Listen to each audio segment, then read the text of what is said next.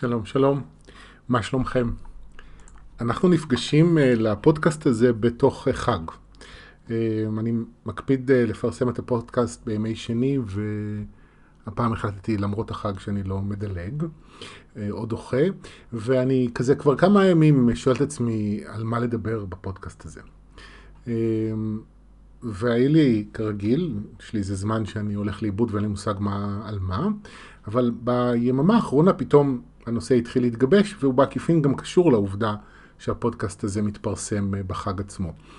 אה, אם אתם חברים שלי בפייסבוק האישי, אז אתם עשו, יכול להיות שאתם ראיתם בימים האחרונים אה, סביב יום כיפור לי כמה פוסטים ציניים הומוריסטיים ביחס לצום ולאוכל ולהרגלי האכילה שלי. ולפוסט האחרון בשרשרת הייתה, היו שתי תגובות קשות משתי נשים שהן דתיות והן קרובות אה, משפחה שלי, אה, וזה פתח אה, איזשהו דיון ביני לבינן, לא ארוך, אבל מה שזה בעיקר פתח, זה את הכעס שלי. שאני מסתובב איתו כבר כמה זמן, אבל זה כזה כל פעם עולה קצת ו... ואז יורד, ופתאום בימים האחרונים, או ב... בעצם מאז שכל ה... מאז מוצאי יום כיפור, שכל הסיפור הזה התעורר, פתאום הכעס הזה מקבל יותר מקום. התחלתי פתאום לשים לב ולהודות שהסיבה, או אחת הסיבות לציניות שיצאה ממני בפוסטים האלה, היא כי אני מאוד כועס.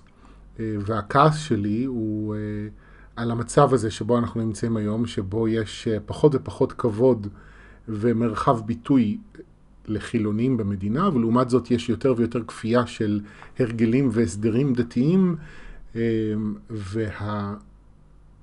הטענה או האצטלה שתחתיה כל זה נעשה, היא להתחשב ברגשות של. וזה המשפט שאני רוצה להתעכב עליו, כי בהתחלה אמ, הכעס שלי, והוא עדיין קיים, על מה שקורה, אמ, ואני לא הולך להיכנס לזה כאן בפודקאסט הזה, אם אתם רוצים, אתם מוזמנים אה, לראות את הפוסטים שלי בעניין הזה בפרופיל האישי. אבל באיזשהו שלב התחלתי להסתכל על כל זה כעל המערכת היחסים שלי בתוכי עם עצמי. שאיזושהי שיחה פנימית שמתקיימת, שבה אני אומר לעצמי, אתה צריך להתחשב ברגשות של, ולכן המשמעות או הביטוי של הכבוד הזה הוא לא להגיד דברים מסוימים, לא לעשות דברים מסוימים, כדי לכבד אנשים אחרים. עכשיו, זה על פניו נשמע בסדר, נכון? אנחנו חיים בעולם של אנשים, אנחנו לא חיים לבד בעולם. חלק משמעותי במערכות היחסים שלנו מבוסס, או כדאי שיהיה מבוסס, על כבוד הדדי. הדדי. אבל העניין הוא, וזו הנקודה שאני רוצה להתעכב עליה, שהדברים צריכים להיות מבוססים באופן אידיאלי, לפחות בעיניי, על כבוד ביני לביני. שלי יש כבוד כלפי עצמי, ומתוך הכבוד שיש לי לעצמי, אני מכבד אנשים אחרים. אבל בפועל מה שקורה, זה שפעמים רבות כשאני מפנה את תשומת הלב שלי החוצה, ואני רוצה לכבד אנשים אחרים, המשמעות של זה, זה לא לכבד אותי. זה אומר, מה זה אומר לא לכבד אותי? זה אומר שאני לא יכול להרגיש דברים מסוימים, אני לא יכול לעשות דברים מסוימים, אני לא יכול להגיד דברים מסוימים במצבים מסוימים או עם אנשים מסוימים, אמ, כי זה לא מכבד. ואם אני אתנהג בצורה לא מכבדת, אז אני עשוי לאבד אהבה, אני עשוי לאבד הערכה, אני עשוי לאבד יחס מסוים שאני מקבל, וזה משתנה כמובן בתחום, בהתאם לתחומי החיים שבהם אני מסתכל. זאת אומרת, אם אני מרשה לעצמי להתנהג בצורה מסוימת בעבודה, אז עשויים לפטר אותי או לא לרצות לעבוד איתי, נגיד אם אני עצמאי. ואם אני מדבר בצורה מסוימת לאנשים מסוימים, אז הם יכעסו עליי והם לא יאהבו אותי והם יתרחקו ממני וכו' וכו' וכו'. וזה בעצם איזשהו משחק שעליו אני מדבר ומתחיל לדבר בפודקאסט הזה, המתח הזה, הפער שקיים בין לעשות את מה שאני רוצה לעשות, לבין מה שאני חושב שאני צריך. עכשיו, זה איזשהו מתח, כי יש איזשהו אה, מאבק פנימי בין מה אני רוצה לבין מה אני צריך. כשהמאבק הזה הוא למעשה בין אה, שני צרכים בסיסיים שיש בתוכנו. יש לי את הצורך להביע את עצמי, לממש את עצמי, להיות מי שאני, ויש לי את הצורך להיות שייך, לקבל אהבה, ולתת אהבה ולהיות אהוב. ואלו הם שני צרכים שקיימים בכולנו, אבל יש התנגשות בהתאם לסביבה שבה אני נולד, אליה אני נולד ובה אני גדל, והסביבה שאני יוצר לעצמי כאדם מבוגר מבחירה. אה, זה כמה חופש יש בסביבה שבה אני גר וגדל וחי, אה, לעומת כמה חוקים יש.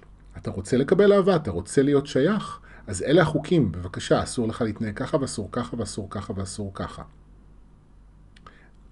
וזה המתח שאנחנו כולנו חיים בתוכו, במידה רבה. והעניין הזה עכשיו עם ה...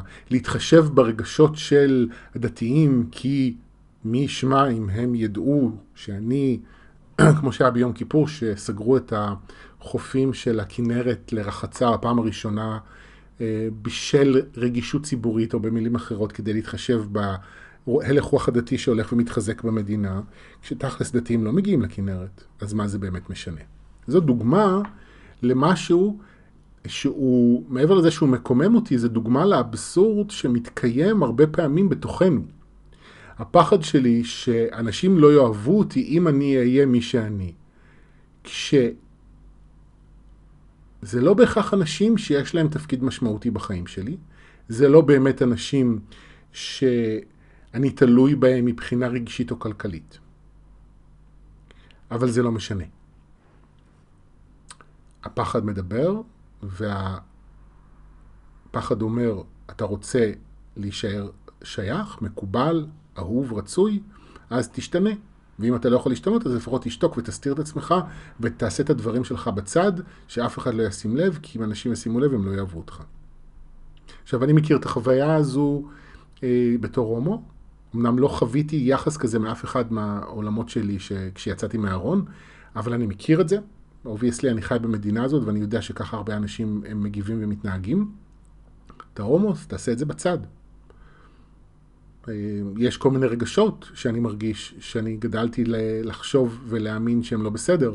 אז אם אני מרגיש אותם, אני צריך להיות בצד כשאני מרגיש אותם, ואם אני רוצה להיות חלק, צריך להפסיק להרגיש אותם, או להעמיד פנים שאני לא מרגיש אותם. ואז למשל בסיטואציות מסוימות אני אוכל, כדי לא להרגיש אותם. כדי שאני אהיה מקובל ורצוי ואהוב, ואעמוד באיזה שהם סטנדרטים שאני חושב שאני צריך לעמוד בהם. עכשיו, זו, זו המשפט האחרון שלה, אני חושב שאני צריך לעמוד בהם, זו נקודה מאוד משמעותית. כי אנחנו חושבים שאנחנו צריכים לעמוד בהם. כלומר, אם אני גדלתי בסביבה שבה לכעוס זה לא בסדר, אז אני חושב בתור מבוגר, אני עשוי כמובן, זה תלוי, אבל אני עשוי לחשוב בתור מבוגר ולהאמין, להמשיך להאמין שכעס זה לא בסדר, ואז להסתיר את הכעס שלי בכל מיני מקומות. ולהרגיש לא בנוח עם אנשים מסוימים כשאני כועס, כי מה הם יגידו ומה הם יחשבו עליי. אבל בפועל, זה לא בהכרח נכון. בפועל יכול להיות שהאנשים האלה, לא תהיה להם בעיה אם אני אכעס. אבל אני חושב ככה.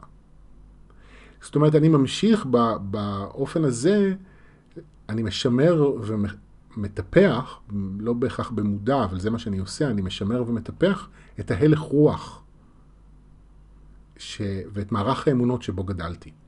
ככה אני צריך להיות, וככה אני צריך להיות, וככה אני צריך להיות. ואז התוצאה יכולה להיות מאוד קשה. אני פוגש אנשים שחיים שנים ארוכות בתוך מערכות יחסים, בתוך, בתוך זוגיות, שהם מבטלים בה את עצמם בתוכה, שהם לא מביאים את עצמם לידי ביטוי, כי ככה הם צריכים להתנהג. ואני פוגש אנשים שלא עובדים נגיד במה שהם אוהבים לעבוד, כי יש להם כל מיני דעות שאין להם סיכוי ואין להם אפשרות, ועדיף להתפשר ולסבול. ומבטלים את עצמם, כי יותר הגיוני לעבוד בעבודה שיש בה יציבות כלכלית מאשר עבודה שבה אני נהנה ממנה. אז מה שחשוב זה היציבות הכלכלית, אז מה אם אני סובל בדרך? זה לא משנה. העיקר שתהיה לי מסגרת יציבה. וזה נגיד דוגמה לאיך זה יכול לבוא לידי ביטוי בסוגיות של כסף ועבודה, כי זה סוגיות שהן כאילו לא קשורות לאהבה של אנשים. אבל שם הפחד עובד באותה צורה, רק הוא מדבר קצת אחרת. פה זה לא על אהבה של אנשים בהכרח, כמו על... אני, יש לי איזו מסגרת יציבה וברורה של הכנסה כספית, ובמערך האמונות שלי זה יותר חשוב מאשר לעבוד במשהו שאני אוהב ולהרוויח מזה כסף, גם אם יש בזה יותר סיכון.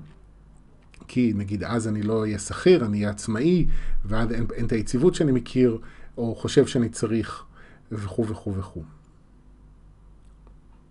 עכשיו, אני לא יודע איך אני נשמע בפודקאסט הזה, אני לא יודע מה אתם שומעים בקול שלי. אה, אני מאוד בלהט בזמן שאני מדבר יחסית לעצמי. הנושא הזה מאוד מסעיר אותי ואני מקליט את הפודקאסט הזה כשאני עוד בתוך הסערה. וזה קורה גם מאילוצי זמן, כי אין לי אה, זמן אחר להקליט אותו, אבל גם כי אני רוצה להביא את הלהט הזה לשיחה. גם כי השיחה הזו, למרות שזה מונולוג, בשבילי זה סוג של שיחה, כי אני מקשיב לעצמי בעודי מדבר. אני לומד מעצמי, כי זה לא דברים שאני בהכרח חושב אותם, אה, ואני, חלקם גם מתבהרים לי בראש בעודי מדבר. אה, אז אני אמנם מדבר בלהט, ויש לי איזו תפיסה אה, מאוד ברורה שאומרת, כך כדאי לחיות, ולא ככה. אבל האמת היא שזה לא נכון. כל אחד מאיתנו צריך לבחור לחיות וליצור לעצמו את החיים שהוא רוצה. ויש אנשים שאומרים, אני בשביל להשתייך, בשביל להיות חלק ממסגרת, מוכן לשלם מחיר. דת היא דוגמה מצוינת. אני בשביל להיות חלק מקהילה דתית, בשביל להרגיש קרוב לאלוהים, לא משנה אם הוא אמיתי או לא אמיתי, אבל בשביל להרגיש קרוב אליו, אני מוכן לוותר, לקחת על עצמי מערכת של חוקים, מצוות, כללים, ולחיות לפיהם, גם אם המחיר של זה הוא ביטול אה, או דחייה או צמצום של תשוקות, רצונות, צרכים שלי, כי זה יותר חשוב לי. דת היא מסגרת מצוינת שנותנת דוגמה לזה, אבל אנחנו בפועל בצורה לא מודעת חיים ככה ביום יום, גם אם אנחנו לא דתיים, גם אם אנחנו חילונים. אמ, כמו שנתתי מקודם את הדוגמה של העבודה, אני כן, אני בוחר לעבוד בעבודה, אז אני לא הכי נהנה ממנה, אז אני אה, מוצא את ההנאה שלי בתחביבים, כי מה שחשוב לי זה יותר יציבות. וזה בסדר גמור. כי שוב, יש בתוכנו שני צרכים. יש צורך במימוש עצמי ובהגשמה עצמית, ויש צורך בביטחון ובשייכות. ובפועל אין צורך שהוא יותר נכון בעיניי. עכשיו, זה עניין של בחירה, של באיזה איזה צורך אני מטפח ובאיזה צורך אני מטפל. כאילו, מה אני רוצה שיהיה יותר ממנו, מה אני רוצה שיהיה פחות ממנו. עכשיו, אני נגיד במסע שאני עושה מגיל מאוד צעיר, מחפשת דרך אחרת לחיות את החיים. זה התחיל עם המיניות שלי, אה, וזה המשיך בהמשך גם עם המסע הרוחני. זה היה שני נושאים שהתחילו להתערבב לי ביחד בגיל ההתבגרות, המשיכה שלי לגברים והמשיכה שלי לרוח, והם שניהם, אה, שתי המשיכות האלה לקחו אותי למסלול חיים מאוד שונה.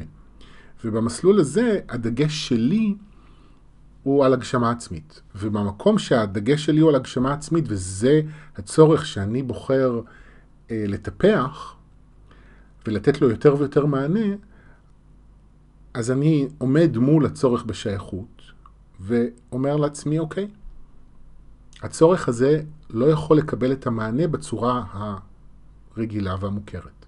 כלומר, אם אני רגיל לקבל מענה לצורך בביטחון ובשייכות דרך ביטול עצמי ודרך אה, השתקה עצמית וצמצום שלי את עצמי, אז הצורך הזה לא יכול לקבל יותר מענה. וזה לא פשוט כל כך. בגלל זה מסע של הגשמה עצמית, ואחת הסיבות העיקריות שבגללן מסע של הגשמה עצמית הוא מסע כל כך מורכב. כי ה... זה מחייב אותי לוותר על האופן שבו אני רגיל לתת לצורך הזה מענה. וזה אומר במילים אחרות, להסכים לאבד קרבה, אהבה, אישור מאנשים מסוימים, אה, ולפעמים זה הרבה יותר מאישור. אני מכיר, כשהייתי צעיר, אני מכיר אה, אנשים אה, שיצאו מהארון וההורים שלהם זרקו אותם מהבית. יש אנשים שחטפו אלימות, חוו אלימות על הרקע של המיניות שלהם. יש אנשים שחוו אלימות רגשית, פיזית, מילולית, גם על דברים אחרים, שהם הביעו שהוא לא היה למורת רוחם של האנשים מסביבם. לפעמים יש לזה מחיר כלכלי. כלומר, זה לא פשוט בכלל. וחלק מהמסע הזה הוא לקחת בחשבון שזה לא פשוט, ולקחת בחשבון שצריך לרפא את ה... אמ, גם את הפחד לאבד, שאליו אני עוד מעט אחזור, וגם לרפא את הכאב שיש במקום הזה. כי בכולנו יש חלק, איזושהי דמות, שאני אדבר רגע על עצמי, יש שחר שמרגיש לא ראוי, שמרגיש לא אהוב, שמרגיש דחוי, שמרגיש נטוש. בין אם זה קשור למציאות או לא, זאת אומרת, זה תמיד קשור למציאות כי דברים עוררו ויצרו את הרגשות האלה במהלך החיים, אבל זה לא בהכרח שאני באמת דחוי, אבל יש בתוכי את הכאב הזה. ואני לא רוצה באופן טבעי להרגיש דחוי או נטוש, אני רוצה להרגיש אהוב ומקובל ושייך. וחלק מהוויתור על האופן שבו אני נותן מענה לצורך שלי בשייכות, מחייב אותי לחזור ולפגוש את הכאב הזה. ולכן זה, זה לא שאני אומר לעצמי, טוב, אני בוחר לא להיות שייך, אני בוחר להגשים את עצמי, וזו הבחירה שלי. זה לא בהכרח שאז הקושי הרגשי שיש לי ייעלם, להפך, הוא אפילו יכול להתעצם. כי אם אני מוותר על המאמץ שאני רגיל להשקיע בלקבל אהבה מאחרים, מה שאני נשאר איתו, לפחות לזמן מה, אני נשאר עם הכאב של שחר הדחוי והלא אהוב. וזו נקודה מאוד משמעותית, בין השאר משום שאנחנו רגילים לתת מענה או לחפש מענה לחוסר באהבה שלנו, באהבה של אנשים אחרים. וזה לא משנה כמה אוהבים אותנו, אנחנו לעולם לא יכולים למלא את החוסר באהבה בעזרת אחרים. התפקיד שלנו, האחריות שלנו היא לאהוב את עצמנו. זאת אומרת, המאמץ שאנחנו רגילים להשקיע בשביל לקבל קבלה ושייכות, יכול להיות שהוא מניב איזה פרי, ויכול להיות שאני מוותר על דברים מסוימים במודע או לא במודע במי שאני, ובתמורה לזה אני מרגיש שייך כי אני דומה לאנשים מסוימים, וכי יש לי איתם שפה משותפת, וכי אני מתנהג לפי קודים מסוימים, ואז אני מרגיש שייך ומקובל. אבל את החוסר הבסיסי באהבה, בלהרגיש אהוב כמו שאני, אני לא יכול למלא. כי אם אני מוותר ומבטל את עצמי בשביל לקבל אהבה, מה שבעצם אני עושה, אני מגדיל את החוסר הפנימי שלי באהבה, כי אני אומר לעצמי לא. אני אומר לעצמי, שחר תשתוק, אל תגיד את זה, אל תעשה את זה, אל תתנהג ככה וככה. אני מגדיל את החוסר שלי באהבה. ואז מתוך החוסר שלי באהבה, אני אומר, אני פונה לאנשים אחרים ומצפה לקבל מהם אהבה. עכשיו, זה אבסורד. אני מגדיל את החוסר שלי באהבה בשביל לצמצם את החוסר שלי באהבה. זה לעולם לא יעבוד, אין סיכוי. המוצא היחיד מהמעגל אה, כשפים הזה הוא להפוך את הכל. כלומר, להבין שיש בתוכי כאב של חוסר באהבה, שמייצר ביקורת ורגשי אשמה וכעס על עצמי. והאחריות שלי היא להביא ריפוי לחוסר באהבה ולרפא את ה, גם את הכאב וגם את הכעס והביקורת והאשמה, כל מה שנוצר מתוך זה. וככל שאני מרפא את המקום הזה ולומד להסתכל מחדש על הדברים בעצמי, שאני רגיל לשפוט ולבטל ולצמצם כדי לקבל אהבה מאחרים, אז יכולה להיות יותר אהבה שלי אל עצמי. אז הצורך בשייכות ובביטחון מקבל מענה, הוא פשוט מקבל מענה בצורה אחרת. הוא לא מקבל מענה מאחרים, הוא מקבל מענה ממני. אז כתואר כל הזמן שואלים מה טוב במה שלא טוב, זאת הכוונה, כי כשאני מתחיל לראות את מה טוב בחלקים בי שאני רגיל לראות אותם כלא טובים, אני מתחיל להפגין או להזרים או להיות באהבה כלפי חלקים בתוכי שאני לא אוהב. זה מתחיל לשבור את המעגל כשפים. וככל שאני יותר אוהב את עצמי, אני פחות צריך שיאהבו אותי, ואז יש לי גם יותר חופש להביע את עצמי, יש לי יותר מלאות פנימית, אני פחות תלוי במה יגידו עליי, פחות, איך להגיד את זה, מזדעזע ממה אומרים עליי, ואז אני יכול להיות יותר בשיתוף פעולה. ואני רוצה רגע לחזור, אמרתי שאני אעשה את זה, אני אחזור uh, למה שאמרתי, כי יש את הכאב שצריך לטפל בו, ויש את הפחד. והפחד אצל, אני חושב אצל כולנו, אני ארשה לעצמי רגע להכליל, אני עוד לא, פשוט עוד לא פגשתי בן אדם שזה לא קיים אצלו, אבל אולי יום אחד אני אפגוש. אצל כולנו יש את הפחד שאומר, אם אני אלך אחרי עצמי, אני אפסיד. אני אאבד. אני אאבד אהבה, אני אאבד כסף, אני אאבד. אם אני אלך אחרי הלב, אחרי התשוקות שאני רוצה להגשים, החלומות שבוערים בתוכי, הרצונות שאני רוצה להגשים, אני בהכרח אפסיד. אם אני אה, אתן לעצמי חופש, אני בהכרח אפסיד. והפחד הוא גם לפעמים, יש לו הוכחות. אני פגשתי לא מעט אנשים, ומכיר לא מעט אנשים, שנזרקו מהבית כשהם יצאו מהארון. וזאת חוויה שמקבעת את הפחד, היא נותנת הוכחה, תוקף, הנה, בבקשה, הלכתי עם האמת שלי, אמרתי מי אני, העיף אותי מהבית. כלומר, אני אני פעם אה, הייתי צריך לבחור, כשהייתי מאוד צעיר, עבדתי באיזה מקום עבודה, והייתה לי תוכנית לצאת לאיזה סדנה, סדנה רוחנית, והחליטו בעבודה שלי שעושים השתלמות באותו סוף שבוע, והחליטו שזאת השתלמות חובה, ואני הייתי צריך לבחור, ואני בחרתי, אמנם לא פיטרו אותי, אבל אני בחרתי להתפטר, כי הסדנה הזו הייתה הרבה יותר חשובה לי, ואני כל כך שמח שבחרתי את הבחירה הזו. אבל זה היה לאבד מקום עבודה, ואיבדתי באמת מקום עבודה. כי הלכתי אחרי האמת שלי. כלומר, יש לפעמים באמת מחיר. אני לא יכול להגיד שעם כל אמת שלי שהלכתי עד הסוף בעולם הזה, כולם אהבו אותי וכולם אוהבים אותי וכולם רואים בי דברים טובים. לא. יש אנשים שלא אוהבים אותי. ולפעמים יש מחיר. אבל זאת הסתכלות, זאת אומרת, זה נכון ולא נכון, כי בטווח המיידי עשוי להיות מחיר. שאנשים שלא יאהבו אותי, יכעסו עליי, עשויים לפטר אותי, אני יכול להפסיד דברים בטווח המיידי. אבל בלונגרן אני יכול להרוויח. אז אני מכיר, נגיד, בתור רום, אני מכיר אנשים שאיבדו את המשפחה שלהם, אז, המשפ... אז הם יצרו לעצמם משפחה אלטרנטיבית של חברים. שנכון, זה לא מחליף משפחה, אבל הם לא בהכרח נשארו לבד, נטולי אהבה ומסגרת חברתית, רגשית, לבבית להשתייך אליה. לא, הם יצרו לעצמם מסגרת אחרת. והמקום עבודה ההוא לפני 20 שנה שהתפטרתי בשביל לצאת לסדנה הזו, מצאתי אחר כך עבודה אחרת. אני לא נשארתי בלי כסף ובחובות.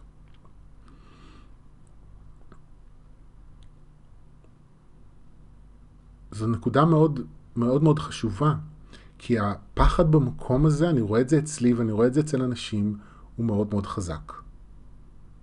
הוא אומר, הוא מקרין איזה סרט פנימי שהכותרת שלו היא הפסד, והמשמעות שלו היא עדיף שלו. ואני בחלק הזה בפודקאסט, מה שאני רוצה להזכיר, שזה לא חייב להיות ככה. הפחד לא אומר אמת. עכשיו, אני רוצה גם לסייג את זה. כי אם אני נורא נורא מפחד מללכת אחרי האמת שלי, אז אני לא צריך עכשיו אה, להתאבד וללכת אחרי האמת שלי, לא משנה אם אני מפחד כי שחר אמר שהפחד משקר. לא. אני צריך לטפל בפחד. צריך להקדיש איזשהו זמן ריפוי וטיפול למקום שמפחד בתוכי, כי שוב, כמו שאמרתי, כשנתתי את הדוגמה על, ה, על היציאה מהארון, יש לנו לפעמים זיכרונות מאוד מאוד כואבים בפנים, של הלכתי אחרי האמת שלי ונפגעתי והפסדתי. לפעמים מהחיים האלה, לפעמים מחיים קודמים. וזה מטען רגשי שצריך להתייחס אליו בכבוד ולטפל בו בעדינות. וזה אומר שיכול להיות איזשהו שלב ביניים שבו אני קודם כל מכין את עצמי רגשית לשינוי לפני שאני עושה אותו. אז אתם צריכים להיות מאוד כנים עם עצמכם. אם אתם רואים שיש לכם פחד מאוד גדול, ואיזו רתיעה מאוד גדולה מללכת אחרי איזושהי אמת מסוימת, ויש לכם איזה סינמה סיטי פנימי של עוד ועוד סרטים ועוד סרטים ועוד סרטים רעים למה הולך לקרות אם תגידו את האמת או תעשו את מה שאתם רוצים, אז חכו. קודם כל לכו תמצאו טיפול ותטפלו בפחד שלכם ותתפסו ביטחון. וכשתתפסו ביטחון תעשו את הצעד.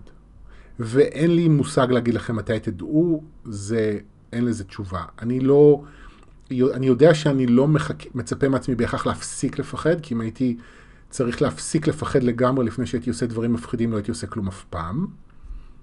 אבל כן, נגיד היציאה שלי מהארון, אמנם לא הייתי אז במודעות בכלל, אבל זה לא שיצאתי מהארון ביום שהבנתי שאני הומו, אבל גם לא הפסקתי לפחד ורק אז יצאתי מהארון.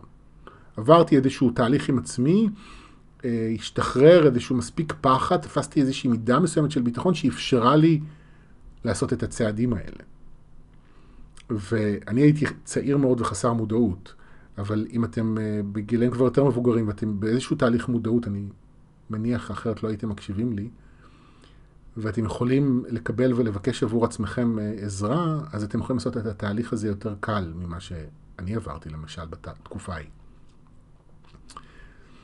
אז אני כן רוצה להגיד, טפלו בפחד שלכם, ובו זמנית אני גם מזכיר, אל תאמינו לו. תזכרו ב-back of your mind, אני מאחל לכם שלפחות יהיה איזה אחוז קטן, שבו אתם זוכרים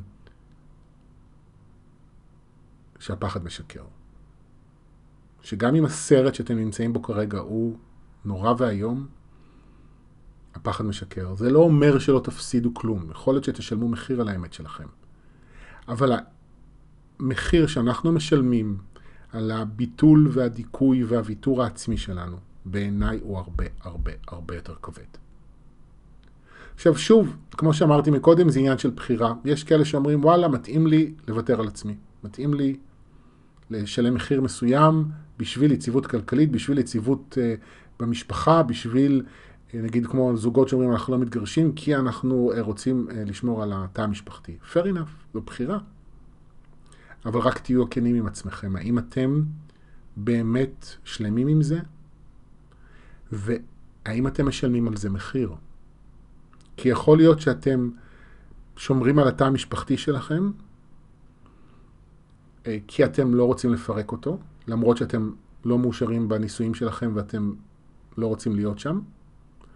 אז יכול להיות שאתם מסדרים לעצמכם את זה שזה בסדר, אבל אתם עשויים לשלם מחיר במקום אחר. זה יכול, אה, החוסר אה, סיפוק והחוסר שקט והתסכול יכולים להופיע בדברים אחרים. זה יכול להופיע אפילו לפעמים כמחלה בגוף, כי אני לא עושה את מה שאני אוהב.